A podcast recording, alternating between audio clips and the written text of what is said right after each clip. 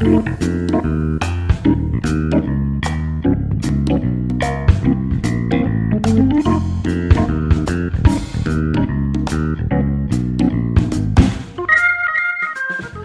viewers and listeners? Eh, Koy. kita Koi mending kita sekarang udah kalau nyapa tuh ke listener saya lah. Kalau viewers kan berarti kan di YouTube dong. Gue udah nyoba edit video, aduh nggak bisa gue sumpah. kita udah jarahnya kali ya. Kita fokus ke Listener audio saya aja. ya. Oke oke oke. What up listeners? Kita Underrated film. film.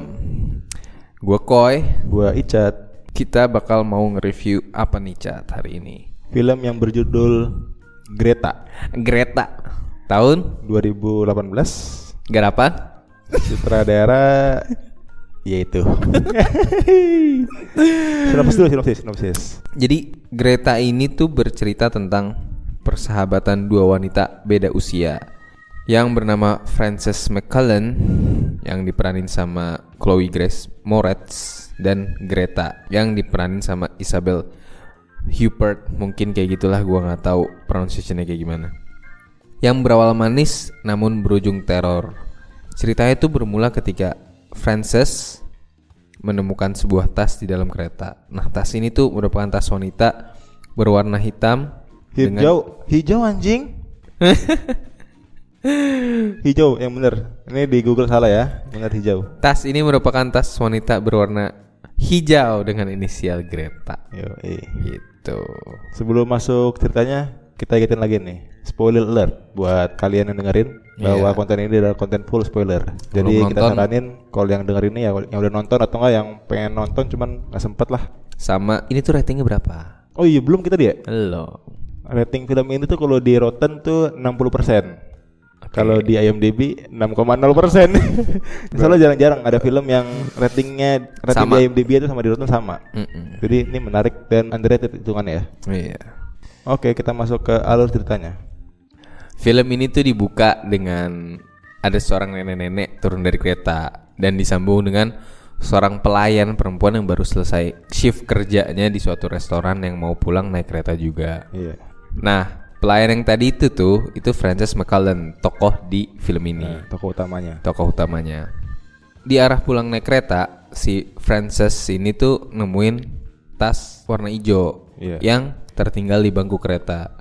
Nah, dia tuh akhirnya bawa pulang tas Dengan- itu. Dengan tujuan mau ngebalikin besok harinya atau Iya. entah kapan lah. Pokoknya tuh dia coba ke eh, bagian lost and found dulu. Iya, betul, betul. Tapi ternyata udah tutup. Akhirnya dia bawa pulang. Besoknya dia mau kembaliin. Saat sampai rumah kita tahu tuh kalau Frances ternyata Ada punya sahabat di apartemennya. Oh, dia tinggal di apartemen sebelumnya. tinggal di apartemen. Dia Sahabatnya punya tuh teman nama- namanya?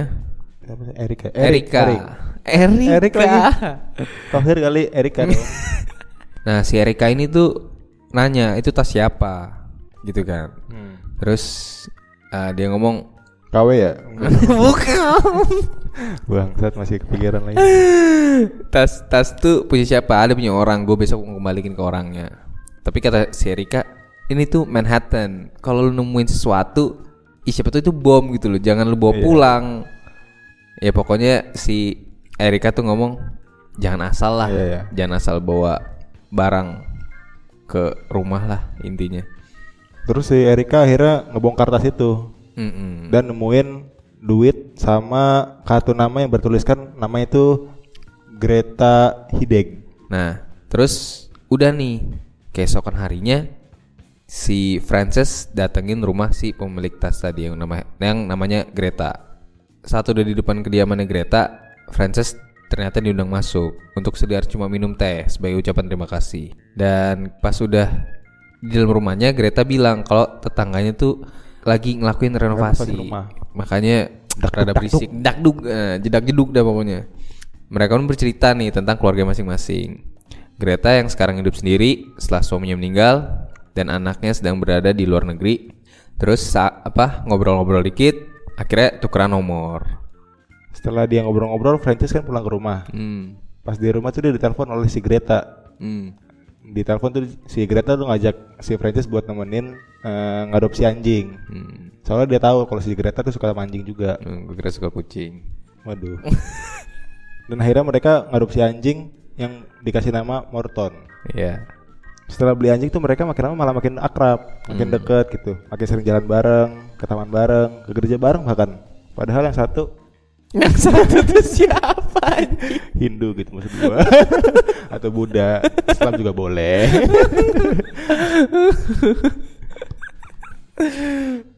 Tapi karena kedekatan mereka berlangsung dengan cepat, si Erika temennya Francis tuh mulai ngerasa ada yang aneh gitu. Terus dia ngasih tahu ke Francis agar berhati-hati. Karena menurut Erika, Francis mulai menganggap Greta adalah pengganti ibunya yang belum lama meninggal. Sebelum lalu meninggal kalau dicerita ya. Hmm, jadi secara nggak sadar tuh kayak Si Greta tuh nemuin sosok ibu yang baru lah. kebalik. Francis Oh bener, Fran Francis tuh Francis lagi. Francis tuh nemuin sosok ibu yang baru lah. Mm-mm. Walaupun masih stranger hitungannya. ya. Mm-mm. yang seharusnya tidak boleh gitu kan itu baru strangers Iya. gitu kan maksudnya tiba-tiba deket kan aneh bagi Erika nah sebelumnya tuh Erika tuh mau ngajak cabut si Francis tapi ternyata si Francis tapi ternyata Francis udah punya janji sama si Greta Iya. akhirnya ya udahlah si Francis datang makan malam di rumahnya Greta habis itu pas Greta nyiapin makan malam di dapur si Francis disuruh ngambil lilin Iya betul. si Francis nanya nih Di mana lilinnya? Eh di mana lilinnya? Eh kan. Si Greta ngomong tuh tuh di sana di lemari sana. Pas dia ngubek-ngubek, ngubek-ngubek lemarinya Greta, yang ditemuin malah tas ijo yang dia temuin di kereta tapi dalam jumlah banyak. Persis warnanya persis, bentuknya Persis, persis. isinya persis, Iya, betul. ada alamat, ada obat apa segala macam. Dan di tiap tasnya tuh ada nama-nama, ada nama dia sama ada nama Pengembali yang lain lah gitu kan. iya iya, Ah. pengembali pengambil tas yang lain. Mm-mm. Jadi kayak tas ijo itu ditempelin sama apa Nama post note gitu. Iya. Ini yang ngembaliin tuh misalkan ya tadi Francis sama nomor teleponnya. Karena kan sebelumnya udah tuker-tukeran nomor telepon.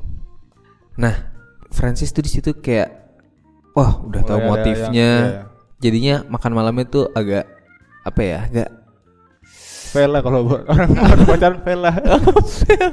Ketahuan ngupil lah si cowoknya. Vela Kan- pokoknya. kentut-kentut. Suka- Anjing, itu fail, fail banget tuh anjing kalau jalan sama cowok atau cewek gitu.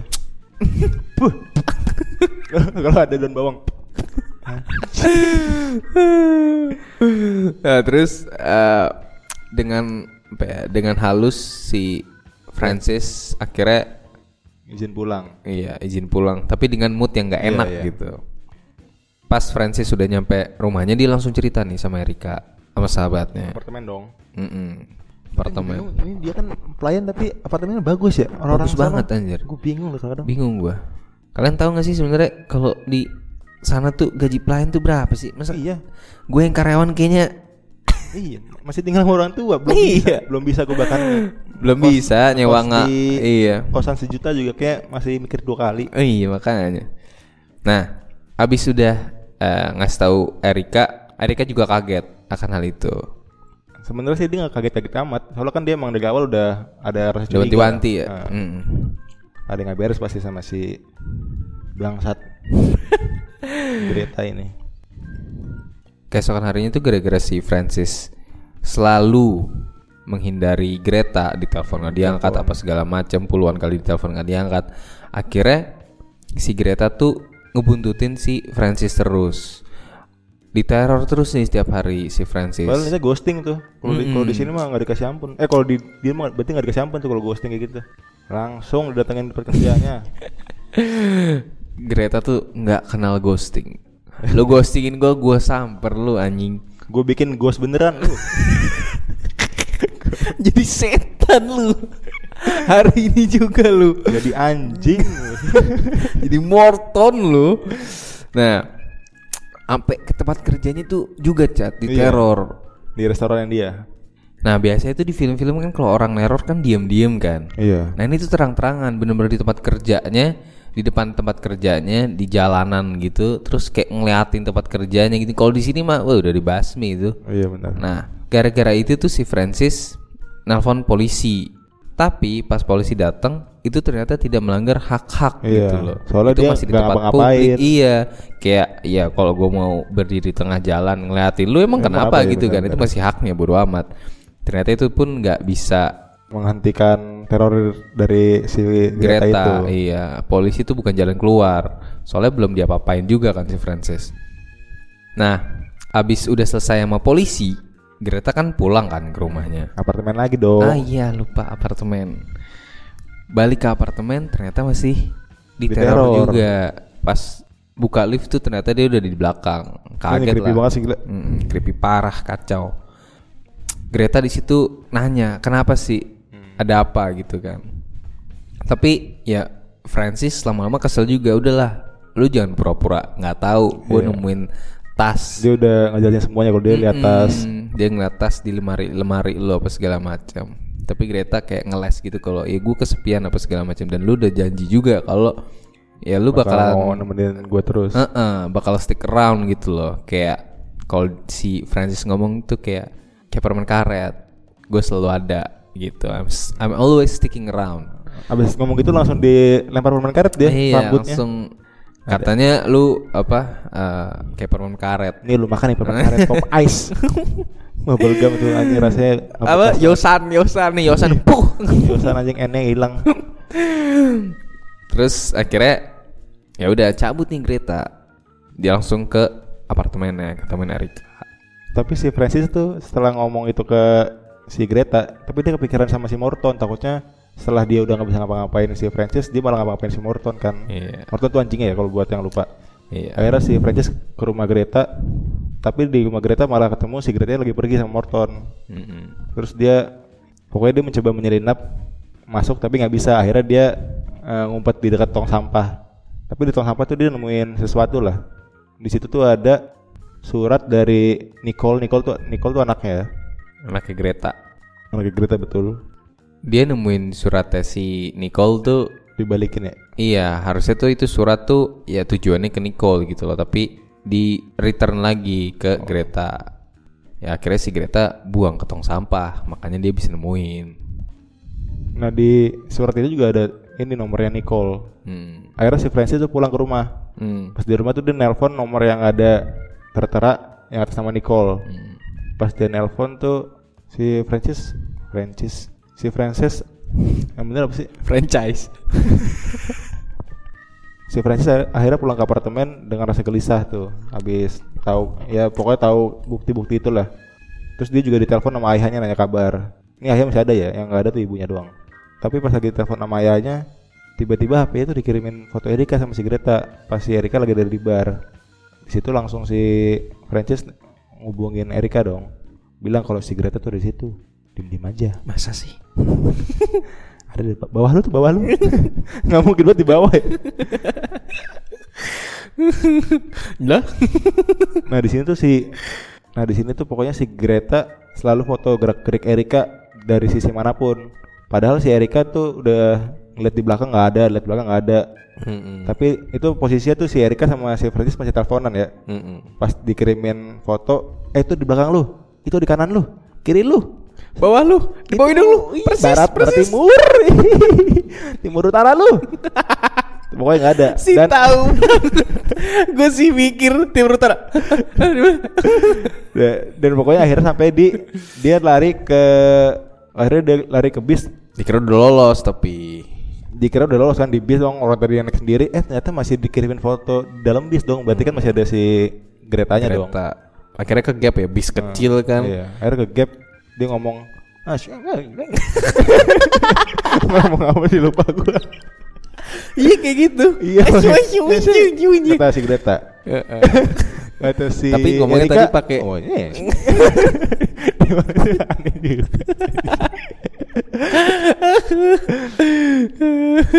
Aduh, gue lupa bener lupa apa sih? Dia ngomong eh, Oh enggak, pokoknya pas lagi pas dia lagi di bis si Francis Francisnya juga ini nyamperin ke TKP Tempatnya naik, Iya. naik taksi.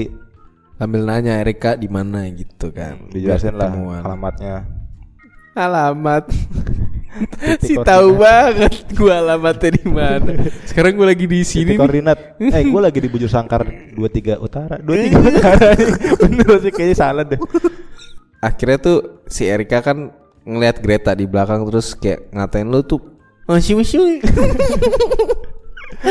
lu tuh perempuan sakit tau nggak kira turun lah turun di halte gitu Greta ngikutin juga sambil ngikutin si Erika si Francis Francis juga nyamperin ke lokasinya Erika kan. Pas naik banget. taksi. Pas banget tuh kayak di film-film ya? Heeh, Iya. pas banget. Nah, terus pas eh, si Erika mau nyamperin Greta nih posisinya tuh kayak di jalan seberang-seberangan. Si Greta tuh buntutin Erika dengan sengaja gak ngumpet-ngumpet gitu loh. Seberang-seberangan jadi di apa ya ya seberang-seberangan lah. Di jalan gitu yang satu di sini yang satu di sana iya. Pas Erika Erika tuh kesel gitu loh.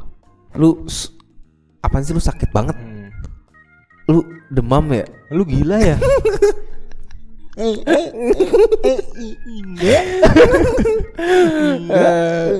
Terus pas mau bola nyebrang kotak.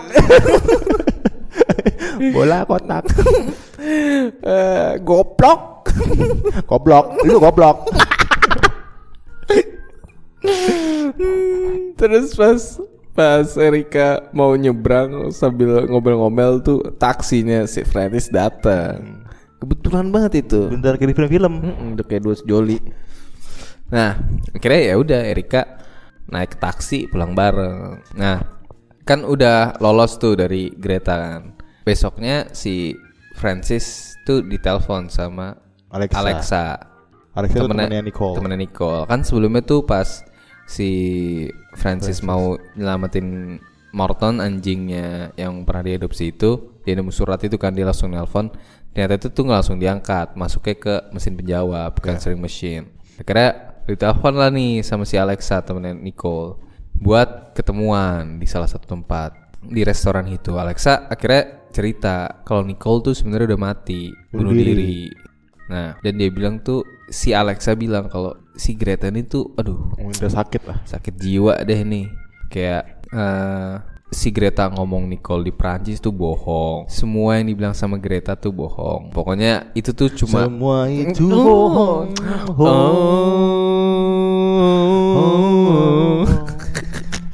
Ya, Pokoknya hanya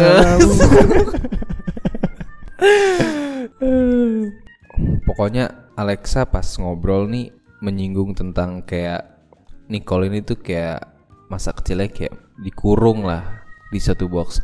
Dan mungkin itu kayak literally box gitu Iya, loh bukan kayak bukan dikurung di ya. rumah bukan. Ya kayak awalnya mungkin si Alexa tuh ngira itu metafor tapi lama-lama dia curiga kalau beneran dikurung gitu loh di box. Francis akhirnya shock tapi ya Nani? ya, eh, nani? Nani? Terus eh, akhirnya tuh ya Francis agak shock lah, tapi ya udahlah dipendem dulu. Nah besok ya Francis pas kerja ditelepon sama bokapnya Francis.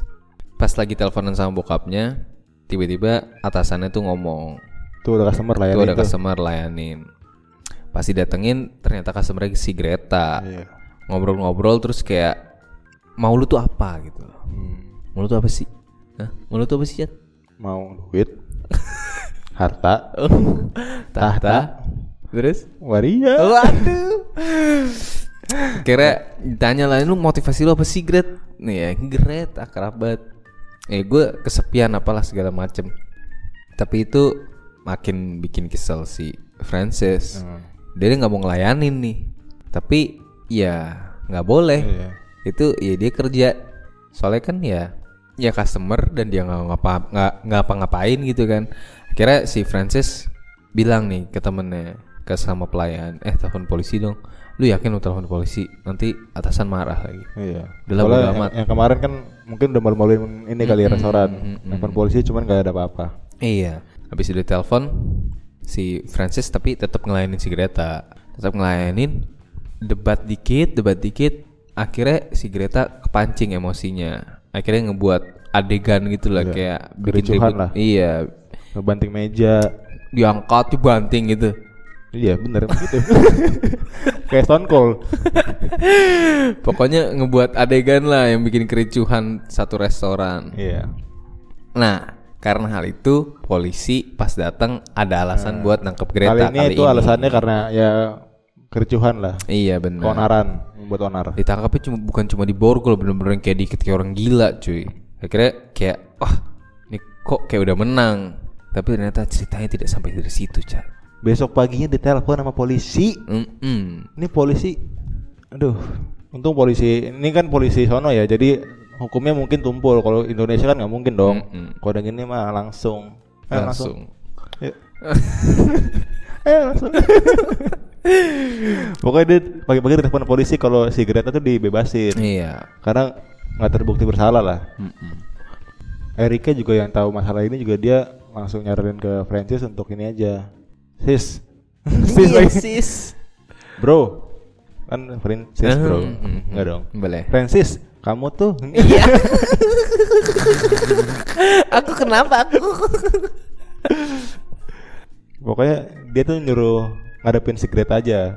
Tapi dengan cara pergi pelan-pelan. Jadi ghostingnya tuh apa ya? Iya. Biar kelihatan bagus Kalau lah. misalnya ditanya lagi apa mau jawab, cuman tiba-tiba udah. Heeh. Lagi makan, eh lagi apa? Lagi makan udah. Hmm, Bales dua hari. Tahu. Oh. Terus akhirnya si Francis nyetujuin dia ketemuan di gereja terus dia minta maaf eh enggak sih enggak enggak minta, enggak minta maaf pura-pura minta maaf sama si Greta dan dia nyalahin semua kejadian ini ke sama dia sendiri sama dia Francis sendiri maksudnya Jadi kayak gini nih kayak enggak kok, ini bukan salah kamu. Iya. Ini semua salah aku. Memang salah Jadi- kamu Oh. jadi kayaknya aku butuh waktu buat ngedamain ngedamain diri aku sendiri. berapa hari Ya pokoknya aku butuh waktu lah. oke Intinya kayak gitu. Jadi kayak eh, si Francis tuh mau cabut dari Greta tapi dengan permainan psikologi Iya. gitu loh. terus tuh mungkin karena si Francis ngomong gitu Greta udah mulai sakit hati lah Mm-mm. akhirnya dia ngeracunin anjingnya si Morton Pokoknya di sini si Greta tuh kayak udah curiga kalau dipermainin dibohongin bohongin ah, ah, dibohongin. Kalau emang pengen cabut aja sih. Hmm. Setelah si Francis ngebohongin Greta biar bisa menghindari Greta secara pelan-pelan. Kan dia ngomong dia mau liburan kan. Mau pergi dulu lah. Iya, mau healing diri sendiri dulu. Nah, pas sudah di apartemennya dia tuh dia lagi buat minum. Mana sih minuman? Manasin minuman? Di microwave gitu kan. Pas minumannya udah selesai dipanasin nih dia minum terus dia ngeliat tanaman yang ada di apartemennya. Kok basah? Nah, dengan kondisi setelah habis disiram. Uh-uh. kayak kayak habis disiram. Kayak habis disiram nih tanaman. Akhirnya dipanggil kan si Erika roommate-nya. Erika! Nani Nani gore apa yang kau lakukan dengan tanaman ini?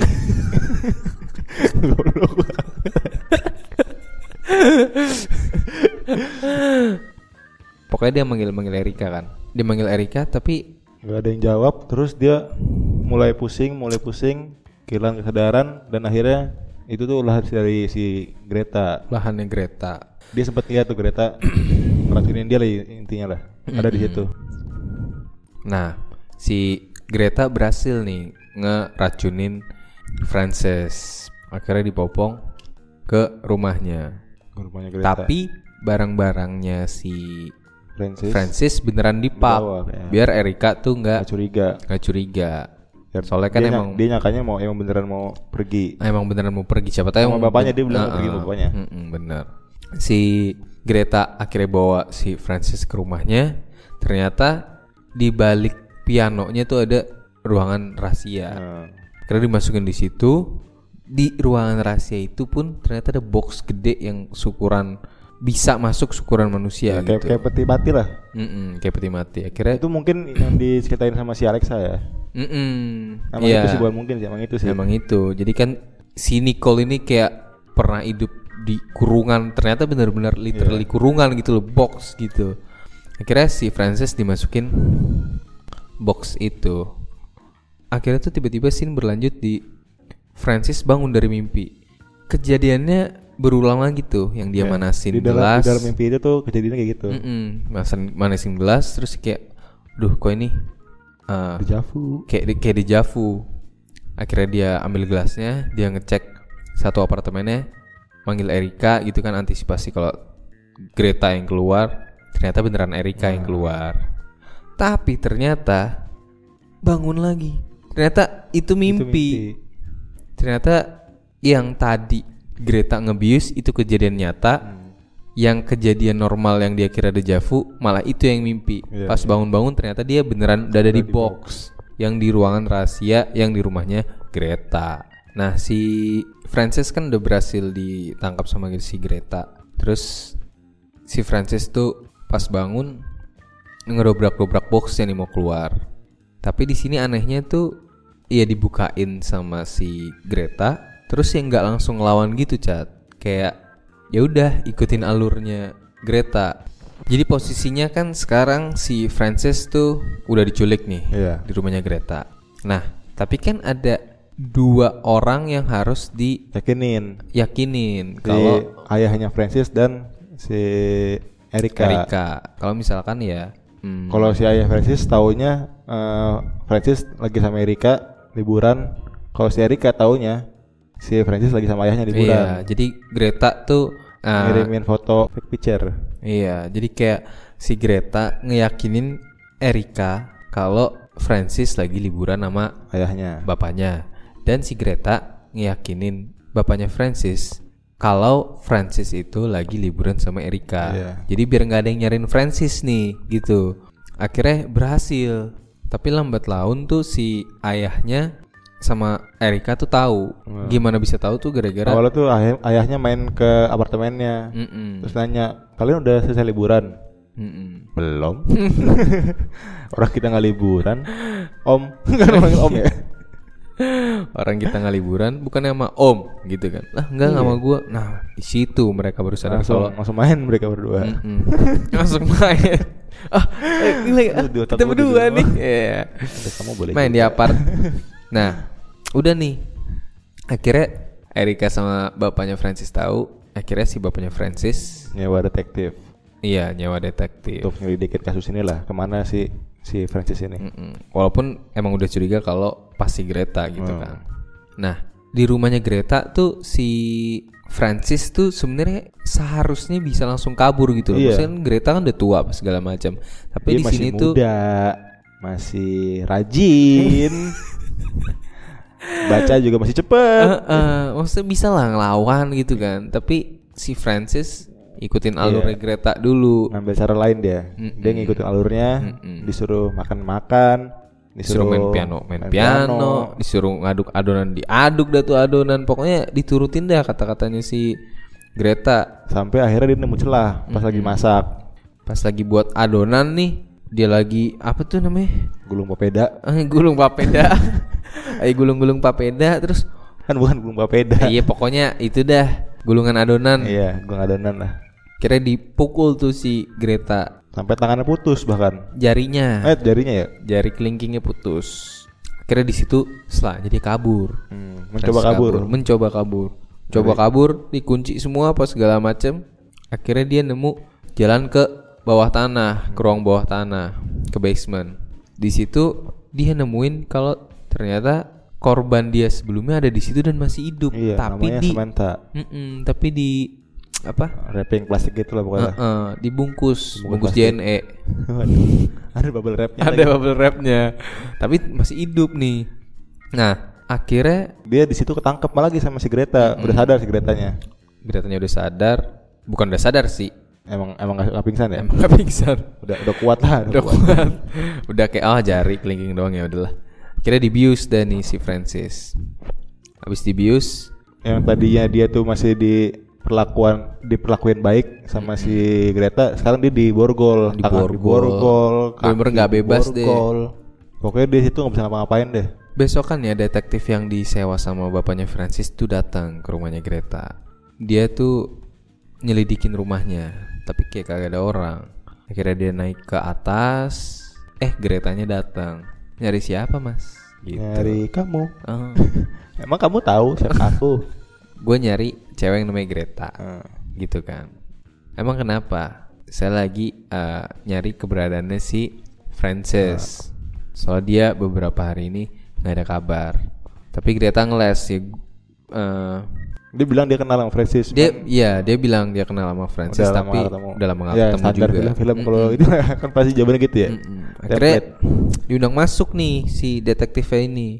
Tapi Greta kan dengar ada orang masuk. Akhirnya dia dengan keadaan di borgol di kasur gitu dia kayak ngebrontak gitu nge- memberontak sampai ya kedengeran lah ada suara jedak jeduk. Gara-gara itu si Greta nyalain lagu di rumahnya biar nggak terlalu kedengeran nah, lah. nah itu juga jedak ini twist dari yang scene pertama tuh yang si Greta ngomong kalau ada renovasi di tangganya nah ternyata emang pas. Ternyata- si Greta eh pas si Francis itu si korban sebelumnya si Samantha lagi kayak gitu mungkin ya Iya.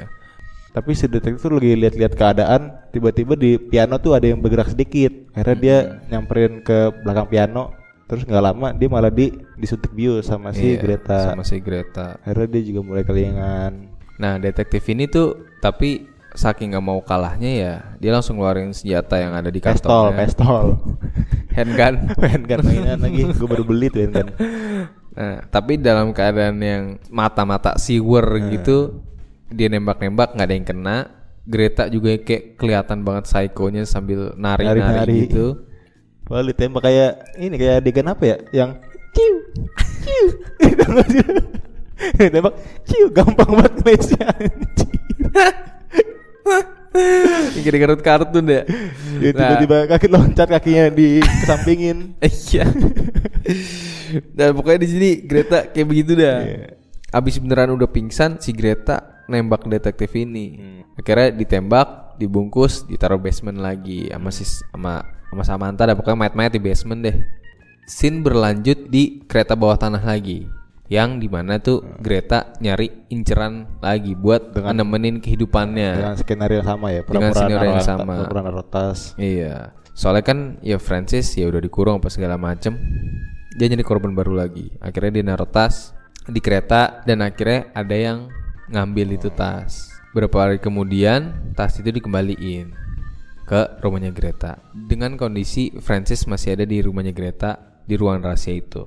Akhirnya masuk si Gretanya bilang terima kasih, Ya, disuruh masuk. sama kayak Francis pas awal-awal lah Iya, sama adegannya persis. ya gitu template dia emang template sih template. terus pas eh, ada orang masuk juga si Francis sama goyang-goyangin kasur Mm-mm. pokoknya bikin dia ngeberontak Nah, tapi tiba-tiba tuh Greta kelingan. Hmm.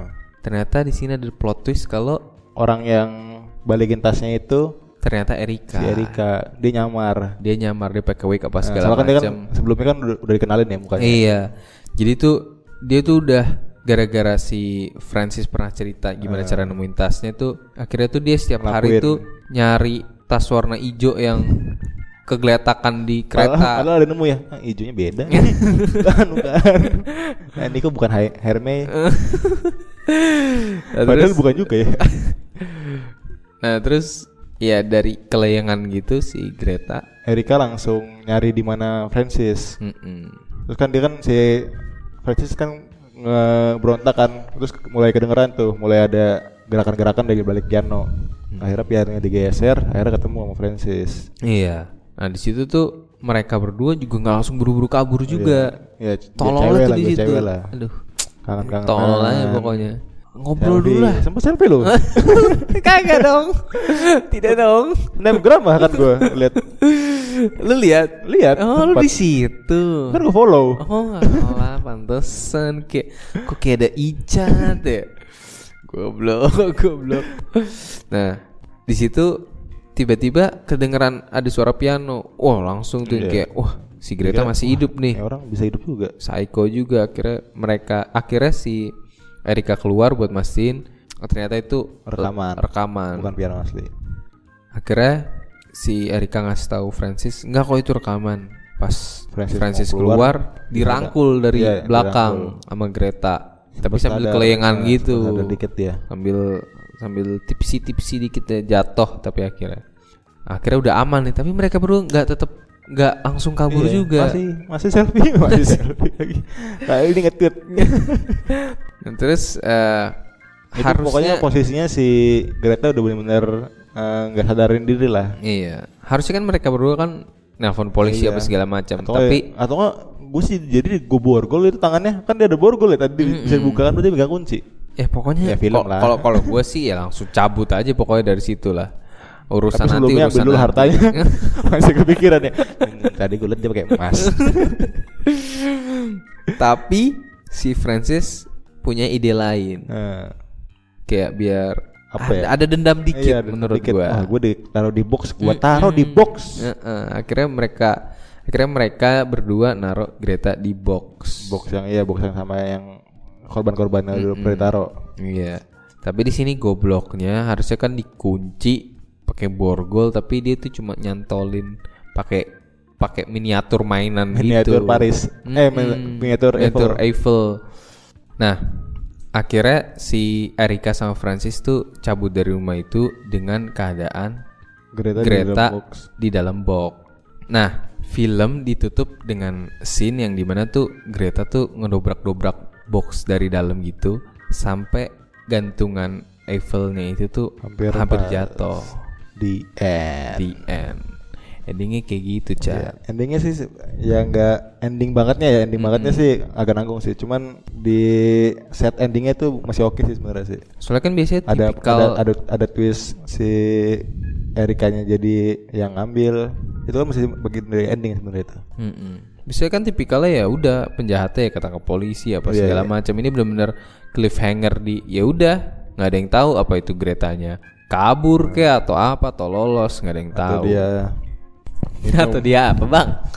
atau dia apa bang? udah lah lanjut oke gimana nih koi menurut lu film ini koi Menurut gue film ini emang underrated sih. Tapi ya mungkin eh oh iya ini btw ini rekomendasi dari teman gua dibilang nonton nih bagus nih kayaknya eh bukan kayaknya sih berarti belum nonton dong. nggak bagus sih bagus bagus. Soalnya gue juga sebenarnya gue masuk sih film ini sih. Suka gue malah. Emang kalau menurut lu ini bagi lu deh ratingnya berapa? gue bisa ngasih 73 lah. Soalnya sih gue suka sama premisnya sih. Eh, ada ibu-ibu yang bikin skenario biar ada orang ke rumah itu pinter banget menurut gue Mm-mm. dan endingnya juga gue suka gue suka tuh sama film-film yang twistnya tuh nggak maksa. Ini kan twistnya enak tuh halus gitu menurut gue Twistnya halus ini film emang. Tapi bagi gua walaupun ini underrated, tapi cliffhangernya tuh ganggu banget nggak tahu kenapa. Jadi kalau gua untuk ngasih rating, kayaknya gua ngasih di 7 pas sih. ya oke lah ya emang kalau untuk 6 sih menurut kita ya eh 7 lah 7 7 pas sampai 7,3 berarti masih oke lah Iya iya, ya boleh lah. Nah menurut kalian nih listeners, kalian tuh nganggap yang udah pernah nonton ya, yang udah pernah nonton film ini tuh, menurut kalian rating film ini tuh berapa sih? atau juga yang baru dengar apalah kalau misalnya nangkapnya bener ya Siapa tahu kan imajinasi lu, wah Iya. bisa Theater, membuat theater of mind lu Oh bagus iya, banget siapa tahu kan. Lu kebayang. Pokoknya kira-kira berapa deh kalau kalian? Apakah sama kayak IMDb atau Rotten 6 atau di atasnya tuh malah bisa jadi di bawahnya? Oh, kalau di bawahnya lu jangan nonton film lagi dah kalau dia ngasih 5 koma Selera lu jelek berarti udah. iya udahlah lu nonton ini aja dah aduh apa ya kalau misalnya ngasih nama kan berarti kan gue bilang lu itu jelek iya makanya jangan jangan Oke jangan. lah. Oh iya, kalau kalian ada rekomendasi film-film underrated boleh Ya, kita kasih ke kita kita. underrated itu maksudnya yang ratingnya di bawah 7 lah Mm-mm. kalau di atas 7 berarti ya itu kan udah bagus dong Mm. Pokoknya kasih tahu aja lah ke kita kita. Bisa nge-DM IG Chat atau DM IG gua. Tapi Atau kalian juga nge-DM IG kita di at underrated film iya. Kalian DM aja lah itu at underrated film. Kalau bisa nemu IG kita ya bagus. Kalau enggak ya ya udah bukan rezeki kalian. Bang, ini dong bang. Paling masa kalau misalnya orang ngomong bang. Padahal yang ngomong lebih gitu daripada kita ya. iya makanya. Bang, iya dek. Kayak kita udah pernah juga gitu. Enggak, misalkan kalau orang YouTube atau apa suka gitu kan ya. iya, iya. Maksudnya nggak contohin kalau misalnya komen tuh gimana? Bang, ini bang. Oke deh listeners, jadi itu aja review kita kali ini tentang film Greta tahun 2018. Sampai jumpa lagi di review-review film kita selanjutnya. Bye. Bye.